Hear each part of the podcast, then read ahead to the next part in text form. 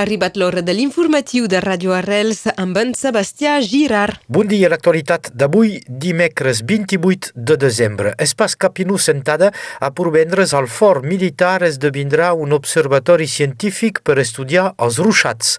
El fort, batejat Bateria 500, va ser construït al 1886 del banc de la Madeloc i pertany ara a la municipalitat de Porvendres. Serà ben aviat un lloc d'observació científica emmarcat en un estudi internacional.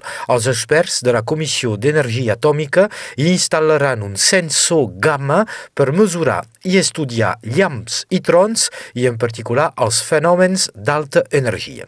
Patrimoni, ara al Conflent s'engega una subscripció per salvar l'espai de Nostra Senyora de la Roca.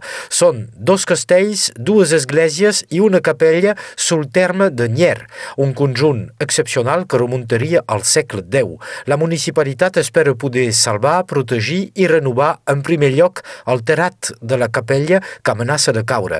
El siti remarcable se situa a l'entrada del Gorg d'Anyer. Sense intervenció, les torres del castell i les restes de la capella aviat desapareixeran. La Fundació del Patrimoni llança doncs una subscripció per recaptar fons i demanar l'ajuda de les persones que vulguin col·laborar a la renovació del siti. Una bona notícia si us escalfeu amb el llenya. Ja podeu demanar l'ajuda excepcional de l'Estat que anirà de 50 a 200 euros en funció dels revinguts de la casa. La demanda se fa en línia sobre la web chequenergie.gouv.fr. Segons els serveis de l'Estat francès, el 70% de la gent que escalfa amb llenya pot rebre aquesta ajuda. A Catalunya Sud, el president de la Generalitat insisteix sobre un acord per un referèndum aquest 2023. Durant el seu discurs de Nadal, Pere Aragonès va declarar que es donava un any per tancar una proposta de votació homologable internacionalment i inclusiva per tots els catalans. El president va subratllar que també és responsabilitat de l'estat espanyol pactar aquest canvi democràtic perquè els ciutadans de Catalunya puguin decidir el seu futur polític. Poques hores després d'aquestes declaracions, el president del govern espanyol, el socialista Pedro Sánchez, ha declarat literalment poden reclamar el que vulguin, però no es produirà. A l'Índia, la policia de Nova Delhi obre una enquesta per esbrinar les circumstàncies de la mort del polític rus Pavel Antov. Conegut com el rei de les salsitxes pel seu imperi empresarial, Antov havia criticat la invasió russa d'Ucraïna. La seva mort s'afegeix a una llarga llista de milionaris i polítics russos desapareguts des de l'inici de la guerra.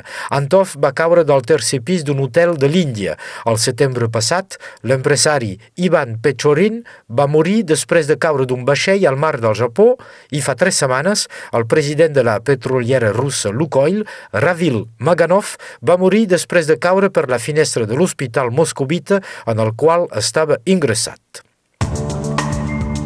Avui al Festival 10 sobre 10, carta blanca al cantant David Quilembe. El nord català acaba de treure nou disc intitulat Citoyen. Al menú, doncs, reggae, folk i soul aquesta nit a la Casa Musical, entrada 5 euros, obertura de les portes a les 5.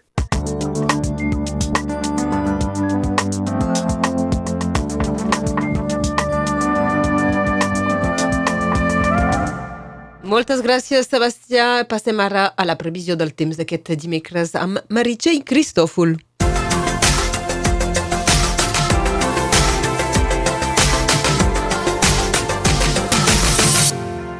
dia. Avui és un dia assolellat i se preveu poc vent. Les ràfegues màximes no haurien de despassar els 5 km per hora. L'última caiguda de neu a Cerdanya data del 15 de desembre. No obstant això, els aficionats d'esquí haurien de ser contents avui. La presència del sol crea condicions ideals per esquiar. El gruix de neu és de 50 centímetres a Font-romeu. Les temperatures màximes són dolces però lleugerament a la baixa si comparem amb ahir.